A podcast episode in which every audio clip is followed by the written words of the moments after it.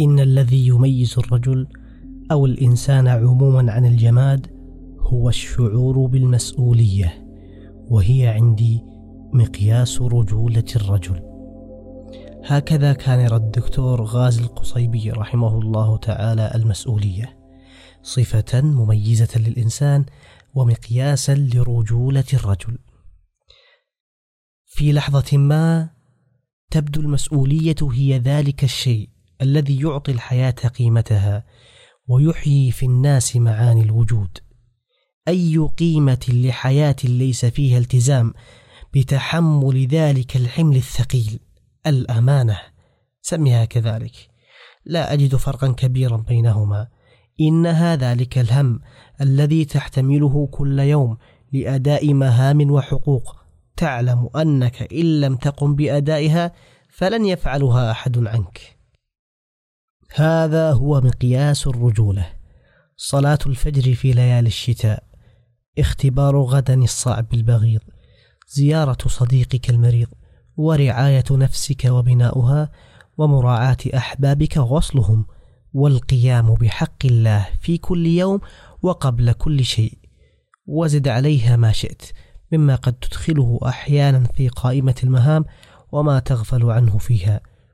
كل هذا مسؤوليتك أنت والتزامك بها مقياس رجولتك.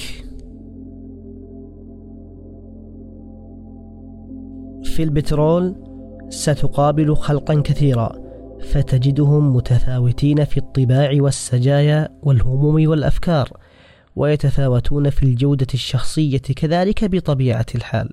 ولكن لحظة ألا ترى أنك إن تأملت جيدا في من حولك وجدت أن أحسنهم هو أقدرهم على تحمل المسؤولية؟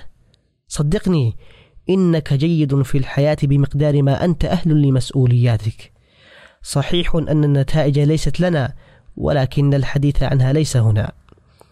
إن تحمل المسؤولية هو أن تستطيع أن تقول لنفسك في النجاح والفشل قد فعلت ما بوسعي وأعذرت.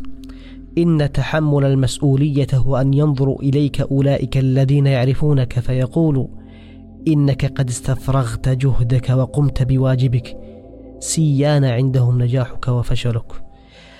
أن تتحمل عواقب قراراتك وأفعالك واختياراتك فتقول حين تخطئ أخطأت ويوم تقصر قصرت وإذا أسأت أسأت.